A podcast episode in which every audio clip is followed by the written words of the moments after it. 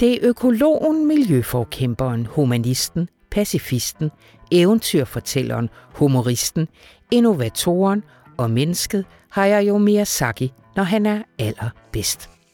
Sådan skriver filmredaktør Christian Mongård i sin anmeldelse af animationfilmen Drengen og Hejren, der fik premiere i de danske biografer i sidste uge. Og Christians Mongårds kærlighed til den her 83-årige japanske mesterfortæller er så stor, at han nægter at rangordne hans film, ligesom man jo elsker alle sine børn lige meget. Men er drengen og hejeren alligevel ikke så fremragende, at han bliver nødt til at forskelsbehandle? Det spørger jeg ham om lidt senere. Jeg hedder Anna von Sperling, og for mig røg den i hvert fald helt til tops. Altså lige efter min nabo Totoro, fordi åh, min nabo Totoro. Velkommen til Radioinformation. I vinterferiens tegn, kunne man godt sige. Vi skal også tale om tvivlens håndbog. Den blev udviklet i 1950'erne af tobaksindustrien, da der begyndte at komme fra dem uheldig forskning, der pegede på en sammenhæng mellem smøger og cancer. Og den blev overtaget af olieindustrien, da der i 1980'erne begyndte at håbe sig evidens op om forholdet mellem olieforbrug, CO2-udledning og klimaforandringer. Og det havde deres egne forskere vist en rigtig, rigtig god fornemmelse af. Så de fik bare nogen ind, der lige kunne hjælpe dem med, hvordan de udviklede en strategi. Og den hed altså Så tvivl, så tvivl, så tvivl. Johanne Pontoppidan Tuxen, ja, hende fra Børn af Solen, vores serie om energiens historie, kommer herind og fortæller til sidst i programmet. Men allerførst så skal vi tale om den nyeste udvikling i sagen om den danske eksport af komponenter til kampfly, der lige nu er i brug i krigen i Gaza. Hjertelig velkommen til.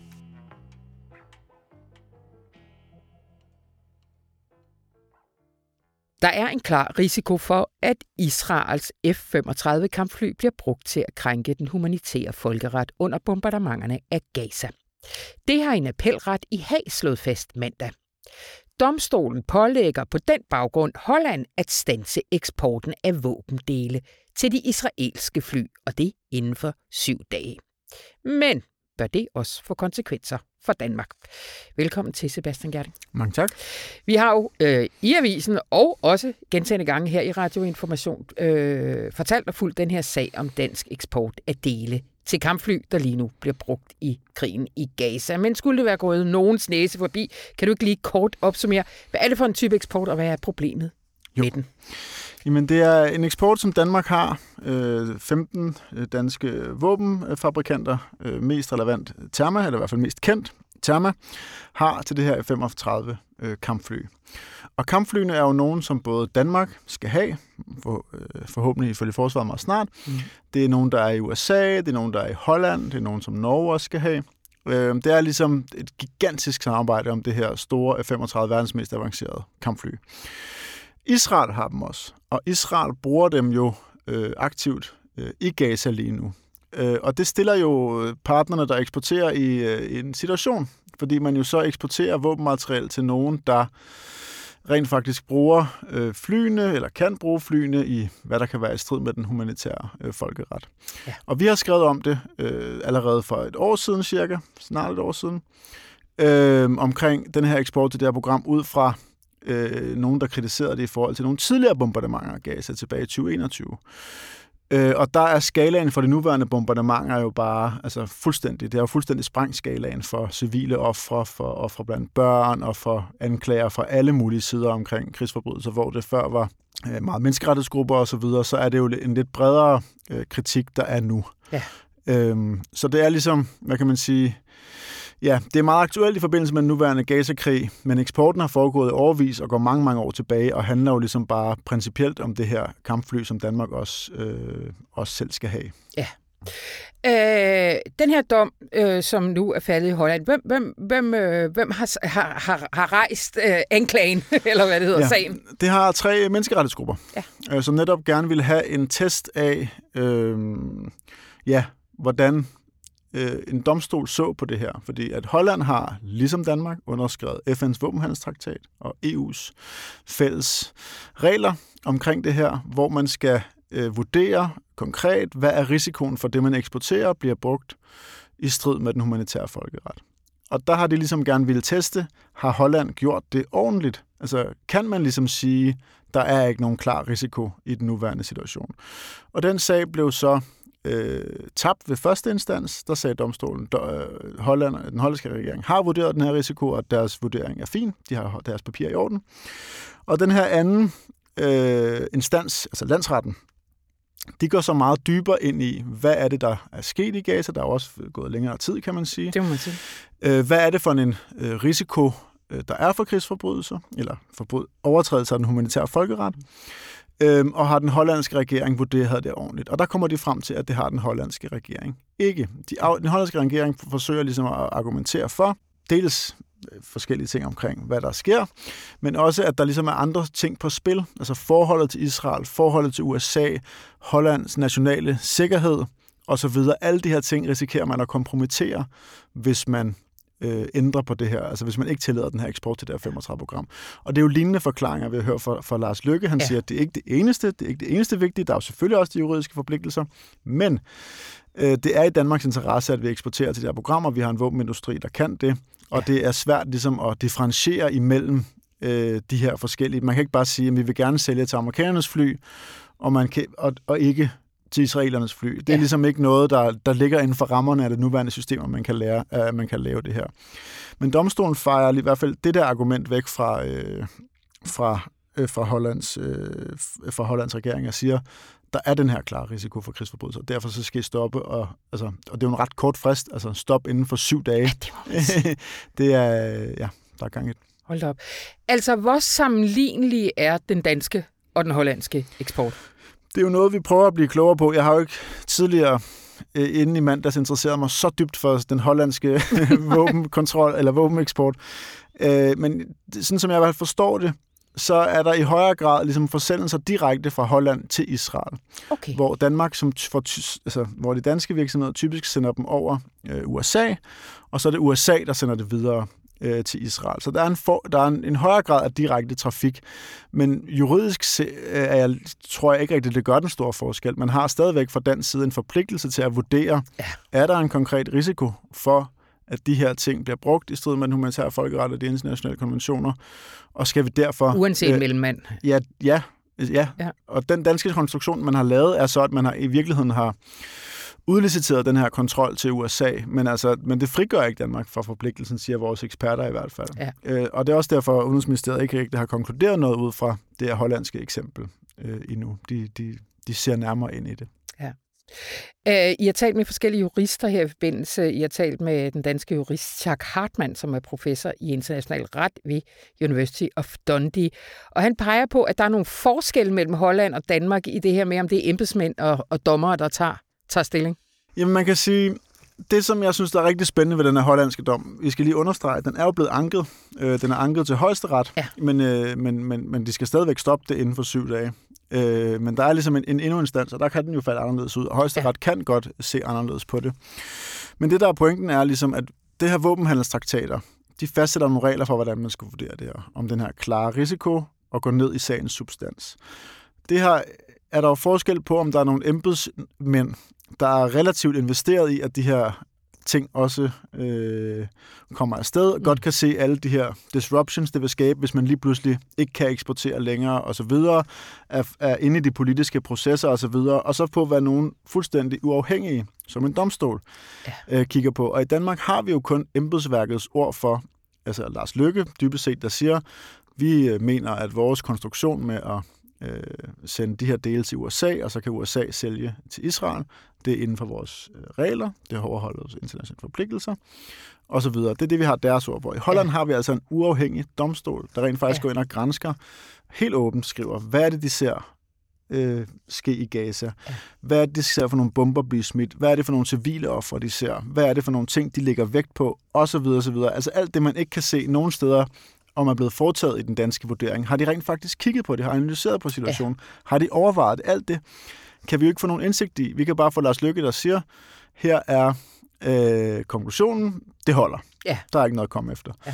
Der her kan vi se alle mellemregningerne og se, okay, hvis man så rent faktisk tager alle de her ting øh, ind i betragtning, ser på, hvad den hollandske regering har af argumenter for, at det er vigtigt på grund af det og det og det og det, så falder det stadig ud til den her fordel. Konventionerne og våbenhandelstraktaterne, vi har underskrevet, skal forstås på den her måde. Vi kan ikke eksportere til Israel i den øh, nuværende situation. Ja. Så det er ligesom en virkelig vigtig test på, om de her våbenhandelstraktater rent faktisk øh, er noget værd. I har også talt med lektor i folkeret øh, ved Københavns Universitet, øh, Mark Schack, og han peger på, at den her hollandske dom, sammenholdt med den internationale domstols beslutning om at udstede midlertidige foranstaltninger i forhold til de her folkedrabsanklager, som vi fik her for nogle uger siden. De to ting til sammen bør få den danske regering til at overveje det her. Ja, altså der er jo flere og flere ting. Der er dels situationen øh, dernede. Ja. Der er det, som alle FN-organerne siger, som også er noget, de bliver nødt til at tage, øh, tage i betragtning. Der er den hollandske dom, som vurderer det ud fra de fuldstændig samme regelsæt Ja. øh, som Danmark. Altså de har skrevet under på de samme konventioner, i modsætning til USA i øvrigt. Ja. Øhm, og det peger ligesom alt sammen på, mm, altså i hvert fald vil det være spændende at høre den danske regering svare klart, vi har taget stilling ikke bare til modellen, men specifikt til den israelske Ja. eksport, Ja. og hvad er vi så kommet frem til? Ja. Øhm, og det, ja, I har ikke uh, haft mulighed for at tale med Lars Løkke Rasmussen, og han har ikke vendt tilbage. ikke nu. Han, Ikke altså, nu. Ikke nu. Det, det, de har sagt, er, at de grænsker dommen. Og, eller de undersøger, læser dommen og kigger på, og er i dialog med ligesindede omkring den. Okay. Hvad det lige betyder, det ved jeg ikke. Godt. Men det kaster helt klart, altså den hollandske dom kaster noget grus i maskineriet i hele, hvad hedder det, i hele den her kampflys diskussion. Altså når man ser, hvad den hollandske regering har skrevet på baggrund af dommen, er det også, at, øh, som også lidt er en kommunikation til højesteret, de siger, de er nu i dialog med alle de andre 35 partnerlande for at overbevise dem om, at, Dan- at Holland stadigvæk er en seriøs og pålidelig partner i programmet. Okay. Så de prøver ligesom at sige, det har altså store effekter, hvis vi lige pludselig, altså alle vores dele og alt det, vi foretager på F-35-flyene i Holland, hvis der lige pludselig skal differentieres imellem, hvem det er, det kan gå til. Vi kan ikke sælge til nogen, vi kan ikke sælge til andre. det er en besværlig en at lege med. Det er det, Ja. og det er slet ikke ligesom, hvad skal man sige, systemet virker ikke gearet til det. Systemet virker gearet til, at dem, der køber F-35 kampflyene, overholder krigens lov. Og hvis ja. der er et af landene, der får de fly, som der rejses meget klar mistanke om ikke gør det, og at domstole begynder rundt omkring i Europa at sige, det gør de altså ikke, så er jeg meget spændt på, hvordan man vil håndtere det inden for den øh, produktionskonstruktion, man har lavet. Øh, I har så til gengæld talt med, med flere partier i oppositionen. Hvad, hvad siger de der? Jamen, de siger, at, øh, at der, der er tungtvejende årsager til, at, at man ikke længere kan fortsætte den her eksport. Så Ja. ja. Danmark bør, øh, i stedet for at øh, blive idømt af en domstol, bør de forsøge at bremse det Ja. øh, allerede nu. Og er det bare en opfordring, eller altså, hvad, hvad, kan der ske et, et videre politisk forløb her efter? Der er jo ikke eller? noget politisk flertal, kan man sige. der er Nej, ikke nogen, der kan tvinge nej. dem til det. Nej. Øhm, så, øh, og det er en flertalsregering jo. Plus, at man skal også bare huske, altså F-35-konstruktionen, altså det er en stor, stor, stor ting. Det er ikke Ja, bare, ja, ja. at Danmark har sendt en pakke med øh, en papkasse med lidt øh, et eller andet til Israel, som man så kan stoppe, og så får Israel det et eller andet sted. Det er en, en kæmpe stor Ja, øh, vel også tæt ting. knyttet til de øh, forsvarsinvesteringer, vi er i gang med at lave, og det hele... Ja. Øh, Det er en meget stor ting. Det er ikke bare noget, hvor man hiver i bremsen, virker Nej. det til. Nej, ja, det, Og det er gør også så derfor- en hollandsk landsret. Det- eller- Lige præcis. Ja. Men det er i hvert fald ikke noget, hvor man selvstændigt inden for det politiske system vil være, øh, at det vil ligge lige for at hive i bremsen. Nej. Og det er også derfor, at jeg synes, det er så interessant, at vi ser de her domstolsafgørelser, ja. og det bliver da så spændende at se, hvad højesteret siger. Øhm, og det er i øvrigt også, øh, synes jeg, sådan enormt opløftende, at man har det her hollandske system, hvor Ja. international ret bliver ret, øh, som jeg forstår det, uden at være ekspert i Holland, Mhm. skal jeg lige så sige, Mhm. bliver ret direkte implementeret, og at man rent faktisk kan få en dom så hurtigt for. Ja. Altså, Ja. Jeg kan, jeg kan, altså, hvis man anlægger en sag i Danmark, jeg, og den var allerede behandlet efter en måned, eller, eller jeg kan, det lyder fuldstændig uhørt. det øh, det kan være, vi skal kigge lidt mere på det system også, som vi kunne lære lidt der. Lige, uh, lige her til sidst, Sebastian. Uh, altså, nu er den hollandske uh, retssag, den blev rejst af, af tre menneskerettighedsorganisationer. Vil man kunne se det samme i princippet herhjemme, at der var nogen, der lagde sag an mod den danske regering? Mm, det tror jeg. Det tror jeg. Jeg ved det ikke med sikkerhed. Altså, jeg kender ikke, hvad man kunne lægge sagen for osv., men umiddelbart ville det ligesom være øh, et skridt, der kunne foretages øh, i Danmark, fordi øh, jeg kan faktisk ikke rigtig se andre skridt, der vil kunne sætte en stopper for den danske eksport, når man nu fra Udenrigsministeriet ligesom øh, øh, virker opt- mest optaget af Armens model, holder og helt over, øh, jeg er overbevist om det. Ja. Så hvis man skal, ligesom skal gå i den modsatte retning, så er det enten, at der er et politisk flertal, der tvinger dem til det, eller at der er nogen, der anlægger en sag. Ja, det må vi jo se, om det sker. Tusind tak, Sebastian Gerling.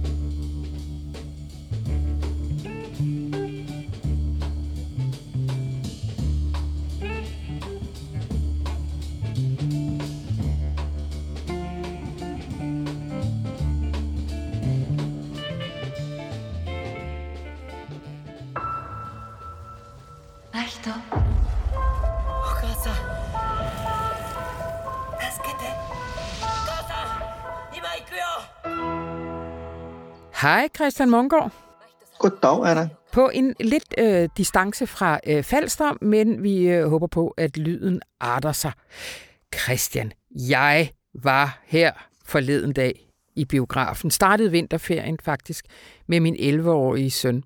Og det var en af de slags oplevelser, hvor lidt ligesom hvis man har en ubehagelig oplevelse, har man brug for at dele det, så var det en så vidunderlig oplevelse, at min søn lænede sig over og sagde til mig midt i filmen, jeg har lige brug for at sige, den er helt vildt god, den her film. Og så sagde jeg, det har jeg også. Vi var selvfølgelig inde og se Drengen og Hejren af Miyazaki. Og den har du også set og anmeldt i avisen. Ja, Jamen, det, sådan har jeg det tit med hans film, eller sige stort set altid. Jeg tror ikke, jeg har set nogen af hans film, hvor jeg ikke havde den der sådan varme følelse i kroppen. Altså fordi der jo godt kan ske masser af dramatiske ting og voldsomme ting i dem, også følelsesmæssigt. Øh, hvad hedder det, miljømæssigt. Øh, der er også krig og vold i nogle af hans film, ja. og uhyggelige ting og sådan noget, men der er alligevel Og en hel masse en, døde mødre. og en hel masse døde mødre ja. og, og, og, og ting og sager, men, men, men der er også en, sådan en, en, en grundlæggende varme og empati og, og synes jeg, sådan humanisme i, i filmene, som gør, at, at man bliver opmuntret, når man ser hans film. Altså man får ligesom fornyet tro på menneskeheden og på, at det nok skal gå, også selvom der er meget, der skal overkommes og kæmpes med, og det ene og det andet. Ja, ja. Sidder man lige derude og siger, åh Miyazaki, hvad er det nu, det er for en størrelse. 83-årig billedmager, øh, japansk animationsmester og instruktør. Men for, giv, ham, giv os lige en, øh, en, hvad hedder det, en, gen, en kort gennemgang af hans karriere. Altså, han begynder jo ja, vi skal jo helt tilbage i slutningen af 70'erne eller sådan noget, før han begynder at lave sine egne ting for alvor, og inden da, der er han jo sådan øh, ja, både hired hand og, og animator på, på, på, på forskellige andre projekter og sådan noget, men, men fra, begynd, fra, fra slutningen af 70'erne og så op igennem 80'erne og 90'erne, der laver han altså en lang række animationsfilm, øh, som betager verden, om jeg så må sige. Altså det er faktisk først med øh, den film fra, jeg kan ikke, den er fra nogen 90, øh, den der hedder Prinsesse Mononoke, som får en ret stor sådan, øh, distribution og, og karriere, eller hvad hedder det, et, et, et stort liv rundt omkring i verden, ikke mindst i USA, og det, jeg tror også, den vinder en Oscar.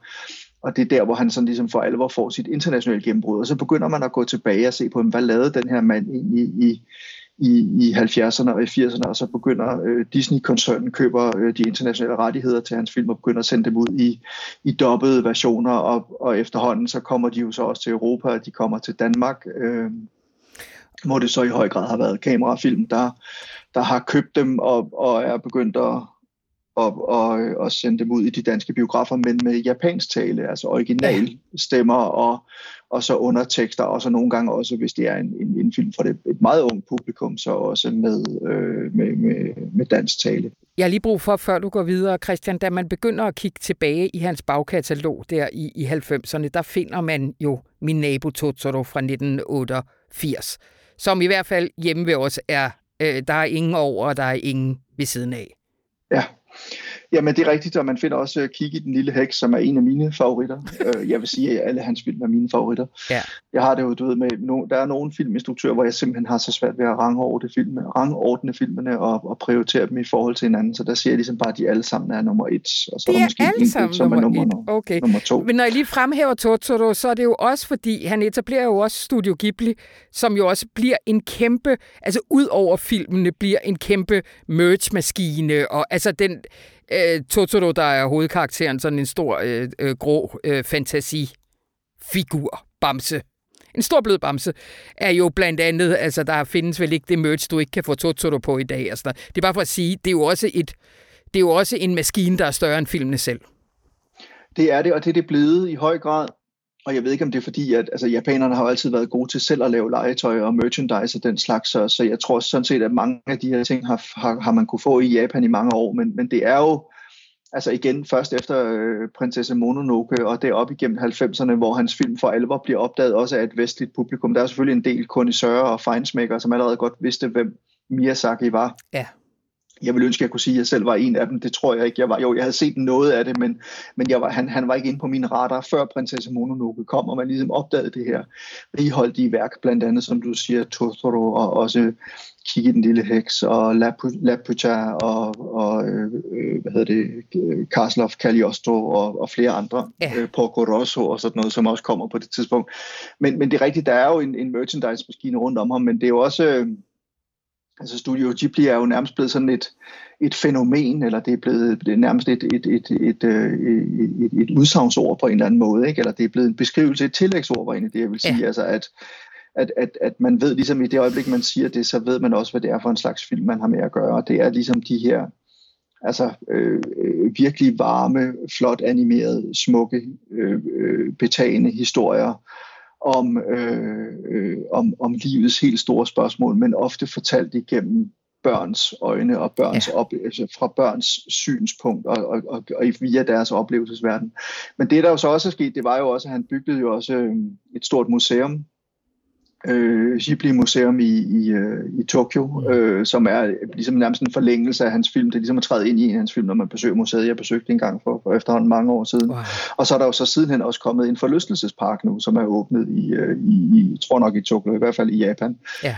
Som også kan en masse af de, af de Ja. der ting. Ikke? Så, så, så det er ligesom en forlængelse af hans univers, og han er kun vokset så større og større og større. Og nu er det jo ikke kun øh, japanerne eller amerikanerne, det er hele verden, der venter med tilbageholdt åndedræt hver gang, at øh, mesteren Miyazaki han kommer med en ny film. Og det har vi ikke mindst gjort øh, til drengen og hejeren. Også fordi der er vel øh, en øh, rigtig god chance for, det hans sidste film. Altså, nu har han sagt det et par gange efterhånden, at han øh, trak sig tilbage, at det her det er min sidste film. Og det, jeg tror nok, han sagde det, da han lavede den, der hed Ponyo øh, på klippen Ja. i havet, er det det, den hedder.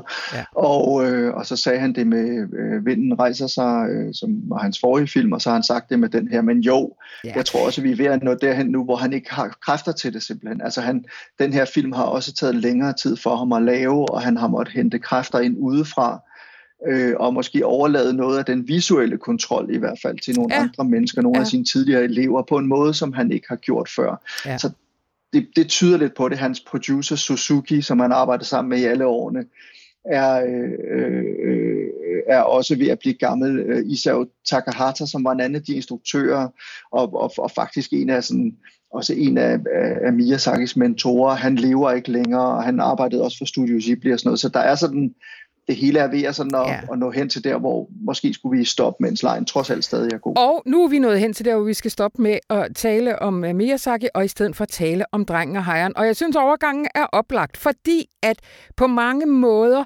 øh, synes jeg jo også, at når man ved lidt om hans egen baggrund, at drengen og hejeren, vi er inde ved hovedstolen, ikke? Altså, Jo, som også kunne tyde på, at det her, det er måske det afsluttende værk. Prøv lige at fortælle, hvad den handler om.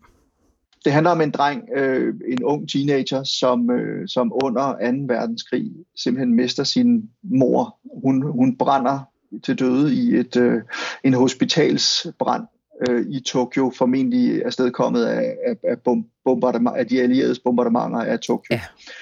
Nogle år efter øh, øh, krigen er slut, så flytter hans far og øh, drengen her til på, på landet, hvor faren simpelthen har fundet sammen med morens søster, som øh, åbenbart ligner hende på en prik.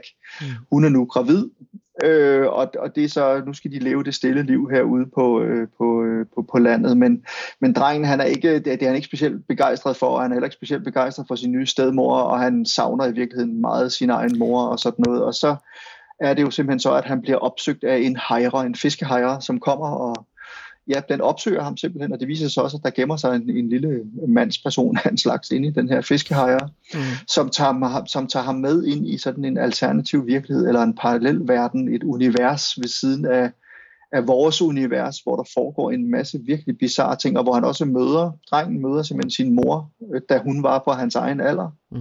Han møder en af sine forfædre, som har bygget det her univers. Han møder menneskespisende øh, undulater, Ja. Nej, papegøjer, eller er det undulater? De ligner mest undulater, men, øh, men jeg tror, jeg det er en slags bliver... lille japansk papegøje. Ja, præcis, ikke? som så er kæmpe store, ja. og, og som simpelthen øh, godt kan lide at spise mennesker, hvilket jo ikke er så heldigt, når man er en lille dreng, der kommer ind i det her univers. Og han møder en masse andre bizarre øh, væsener og skabninger, og, og, og der sker alt muligt sådan med parallelle virkeligheder og ting, der glider ind i andre ting, og ja tider, der bliver opløst, og, og, og virkeligheder og, og omgivelser bliver opløst, og altså fuldstændig ligesom man faktisk kender det fra mange andre af øh, Miyazakis film, også Totoro for eksempel, som vi snakkede om før. Ja, og den har også en del små referencer øh, øh, hen ad vejen, som øh, min søn i hvert fald også sad og viskede til mig om, så for fejnsmækker er der også lige det niveau, altså referencer til hans tidligere film. Ja, jamen det er der helt bestemt, og, og ikke mindst tematisk. Altså nu, nu har du selv været meget inde på, på Totoro, som, som, som I er begejstret for derhjemme, og som virkelig også er en god film, og som jeg genså her, inden jeg skulle anmelde øh, Drengen og Hejeren, og som jo også handler om altså en familie, en far, to døtre, øh, som lever alene, som, er flyt, som flytter ud på landet. Moren er på hospitalet. Ja. Får de hende mund hjem igen?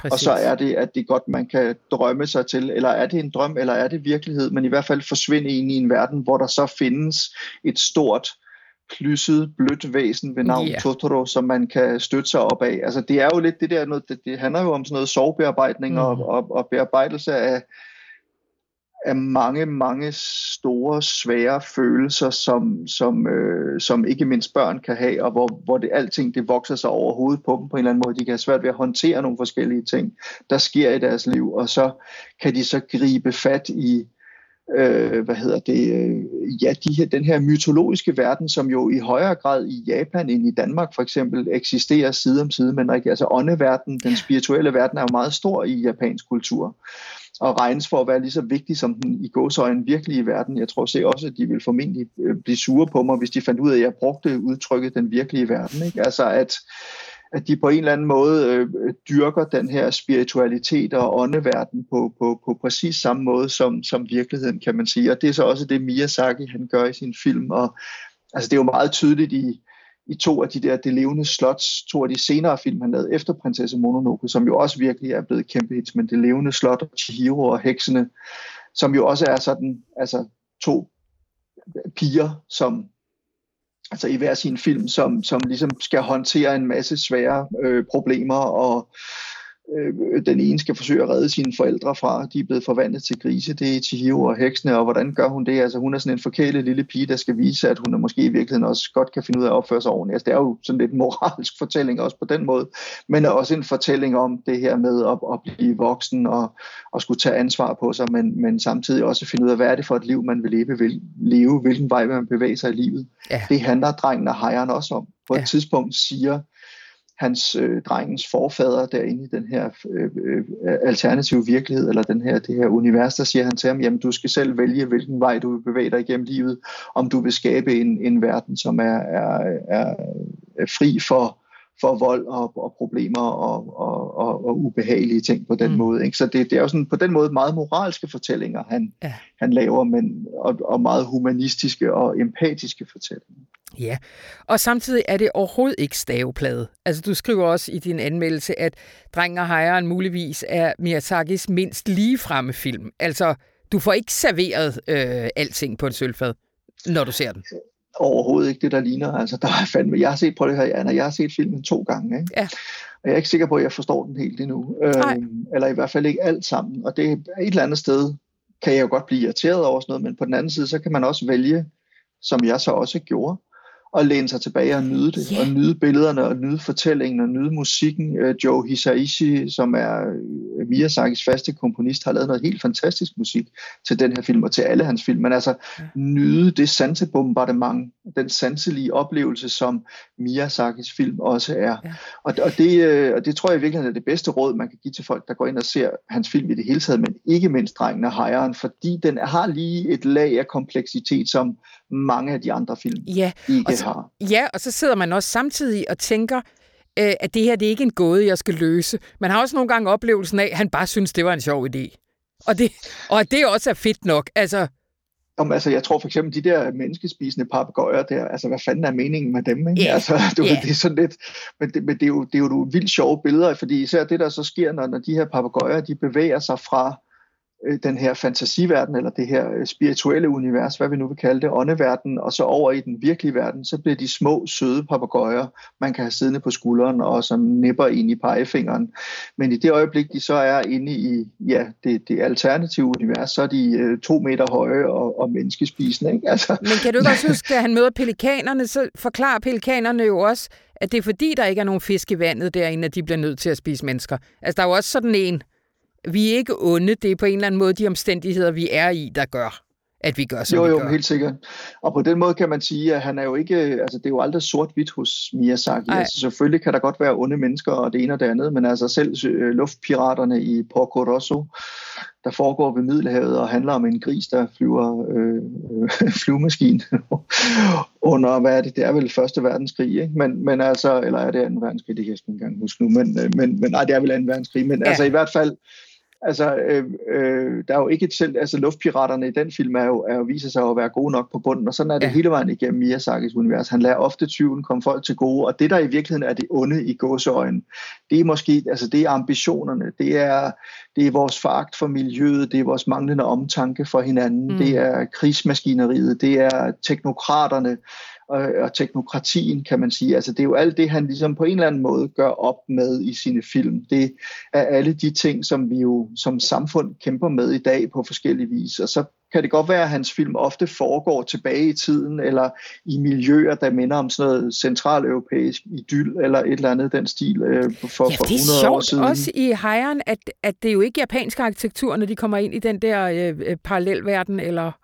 Nej, og det er det jo heller ikke i uh, Kiki, den lille heks for eksempel. Den Nej. by, hun flytter til, er jo, kunne jo være sådan noget, øh, hvad fanden ved jeg, Lübeck for 200 år siden, eller et eller andet ja. den stil. Ikke? Altså, det, der er sådan en eller anden fascination og en, og en betagelse, og det har der altid været i øvrigt i japansk animation. Altså, de, det ligner jo heller ikke nødvendigvis japanske børn eller øh, japanske mennesker i de her film. Det, der er sådan en, en betagelse af, skal vi sige, altså sådan europæisk kultur, eller vestlig kultur i hvert fald i, i de her film, øh, som, som slår igennem både visuelt, men også fortællemæssigt. Altså der er jo også masser af elementer fra, fra sådan noget Grims øh, eventyr, og ja. sikkert også fra H.C. Andersen og alt muligt andet i øh, Miyazakis film.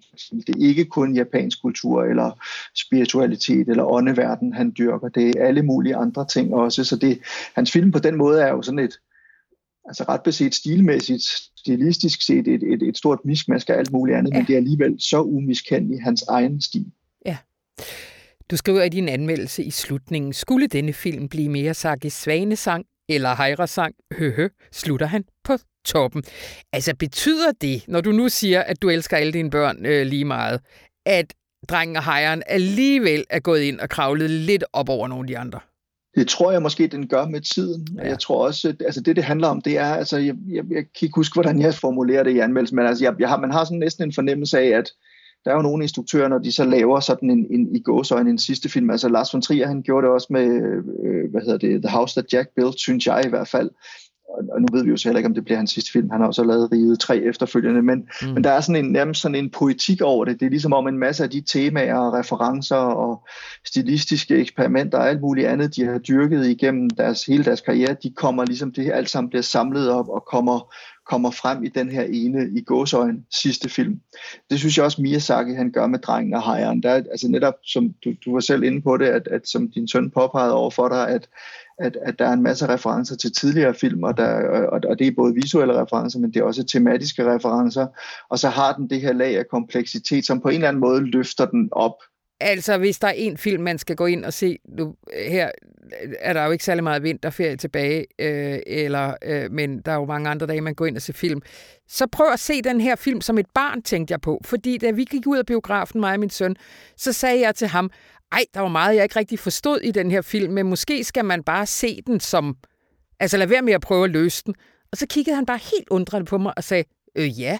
Eller sådan. Og der slog det mig, at måske, øh, måske er børn faktisk måske lidt bedre til at forstå Miyazaki, end nogle af os andre, der prøver at løse det. Men det tror jeg, du har ret i. Den eneste ting, jeg vil understrege i forhold til at, at, gå ind og se den med sine børn, det er, at de skal kunne læse underteksterne, fordi den er ikke eftersynkroniseret til dansk. Det er korrekt. Og så skal jeg være en anden ting blive lige siddende til allersidst. Der er der nemlig et stykke musik, hvor der faktisk er sang på, hvor der faktisk også kommer nogle clues til at forstå filmen baglæns. Simpelthen. Simpelthen. Øh, hvor var det en dejlig øh, samtale, jeg kunne blive ved. Åh, oh, hvor jeg elsker den film. Tusind tak, Christian Munggaard. Selv tak, Anna von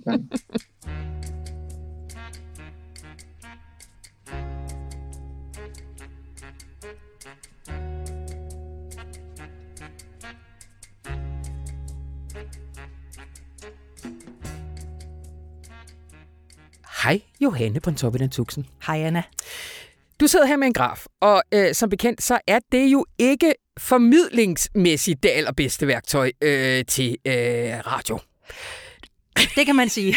Men jeg synes alligevel, at det er så fed en graf, at nu får du mulighed for at fortælle radioinformationslyttere, øh, hvad den viser. Ja, det er en ret fantastisk graf. Altså for mig at se, kunne man smække den her direkte på forsiden af avisen og nærmest ikke forklare den. Og ingen vil forstå noget som helst. Ingen vil men... forstå den, men den er utrolig flot og virkelig nem at aflæse. Ja. Men det er en graf, der er lavet i 1982 af olie virksomheden Exxons egne forskere. Og øh, der har de siddet og fremskrevet i tid, altså med den viden, vi har, hvordan vil det så se ud, hvis der kommer mere øh, CO2 i atmosfæren, øh, og hvordan vil temperaturen udvikle sig. Ja. Og det har de lavet nogle rigtig, rigtig fine grafer over, hvor man kan se CO2'en stige i den ene kurve, og man kan se temperaturen stige i den anden kurve.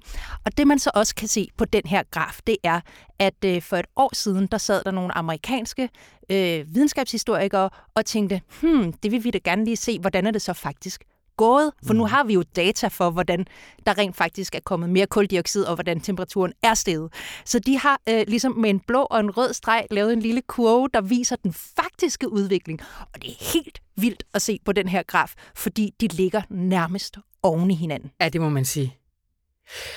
Og du har allerede afsløret, at det her er altså øh, fossilindustriens øh, helt egne øh, fremskrivninger. Og da Jeffrey Supran, der er den her, øh, hvad hedder det, øh, historie, klimahistoriker, som, øh, som I tager udgangspunkt med, han får den her i hånden. Hvad konkluderer han på baggrund af det? Jamen, han, han, han, han siger jo selv, at det er, er fuldstændig vildt at se de her grafer smelte sammen med, med Exxons egne forskers fremskrivninger. Ja. Fordi det viser jo to ting. Det viser for det første, de har haft nogle vildt dygtige forskere ansat, ja. der allerede i 1982 kunne fremskrive, hvordan det rent faktisk kom til at gå. Og for det andet, så viser det jo også, at de holdt mund. Ja. Og da de endelig holdt op med at holde mund, så begyndte de at så tvivl om det, de selv vidste. Ja. Tvivlens håndbog handler det her afsnit af øh, Børn af solen om. Fordi det var ikke kun ExxonMobil. Øh, det her det er langt bredere, og I beskriver, hvordan i de seneste år, der faktisk er kommet mere og mere fokus på det her med, øh, hvor langt de egentlig var i forhold til at vide, konsekvenserne af deres aktiviteter. Ja, og det er jo ret sjovt, for det er jo både på basis af en hel del lækkede dokumenter og graverjournalistik, og så er det på basis af forskning, der både har dykket ned i de lækkede dokumenter, men faktisk også bare har taget den forskning, der har ligget frit derude som udgivende videnskabelige artikler, der er lavet af olieindustrien, den fossile industris egne forskere. Ja. Og øh, øh, hvis vi lige holder fast i Jeffrey Subran, der har han sammen med sin øh, kollega øh, Naomi Oreskes tidligere lavet et studie, hvor de så på, øh, hvad Exxon vidste ifølge de her øh, hvad hedder det, videnskabelige studier, deres egne forskere lavede, og så så de på, hvad var det egentlig, de kommunikerede til offentligheden. Ja. Fordi de havde en fuldstændig klar kommunikationskanal. De havde i 29 år en annonce om ugen i New York Times, der var på deres opinionssider, og som var designet til at ligne en af avisens egne ledere. Det er sådan en strategi, der hedder en advertorial, altså sammensætning af ad for annoncer og editorial. Mm. Øh, og der skrev de om alt muligt, men de skrev mere og mere om klima, og det, de skrev, var med overskrifter som øh, videnskaben, hvad vi ved og ikke ved, eller øh, unsettled science, altså videnskaben ved ikke rigtig noget, eller øh, løgnene, de fortæller vores børn, eller apocalypse no. Altså, de var virkelig sådan ude og give deres eget, eget bud på virkeligheden. Ja. Og forskerne kunne se, at cirka 80 procent af deres egne forskere i Exxon, de lavede studier, der viste, den er god nok, der er klimaforandringer, de er menneskeskabte, og cirka 80 procent af det, de kommunikerede til offentligheden, var, uh, det ved vi godt nok ikke rigtig noget om det her. Det er, det er helt forvirrende, og der kan jo være mange versioner af det, og det ved vi nok heller ikke rigtig så meget om alligevel. Ja.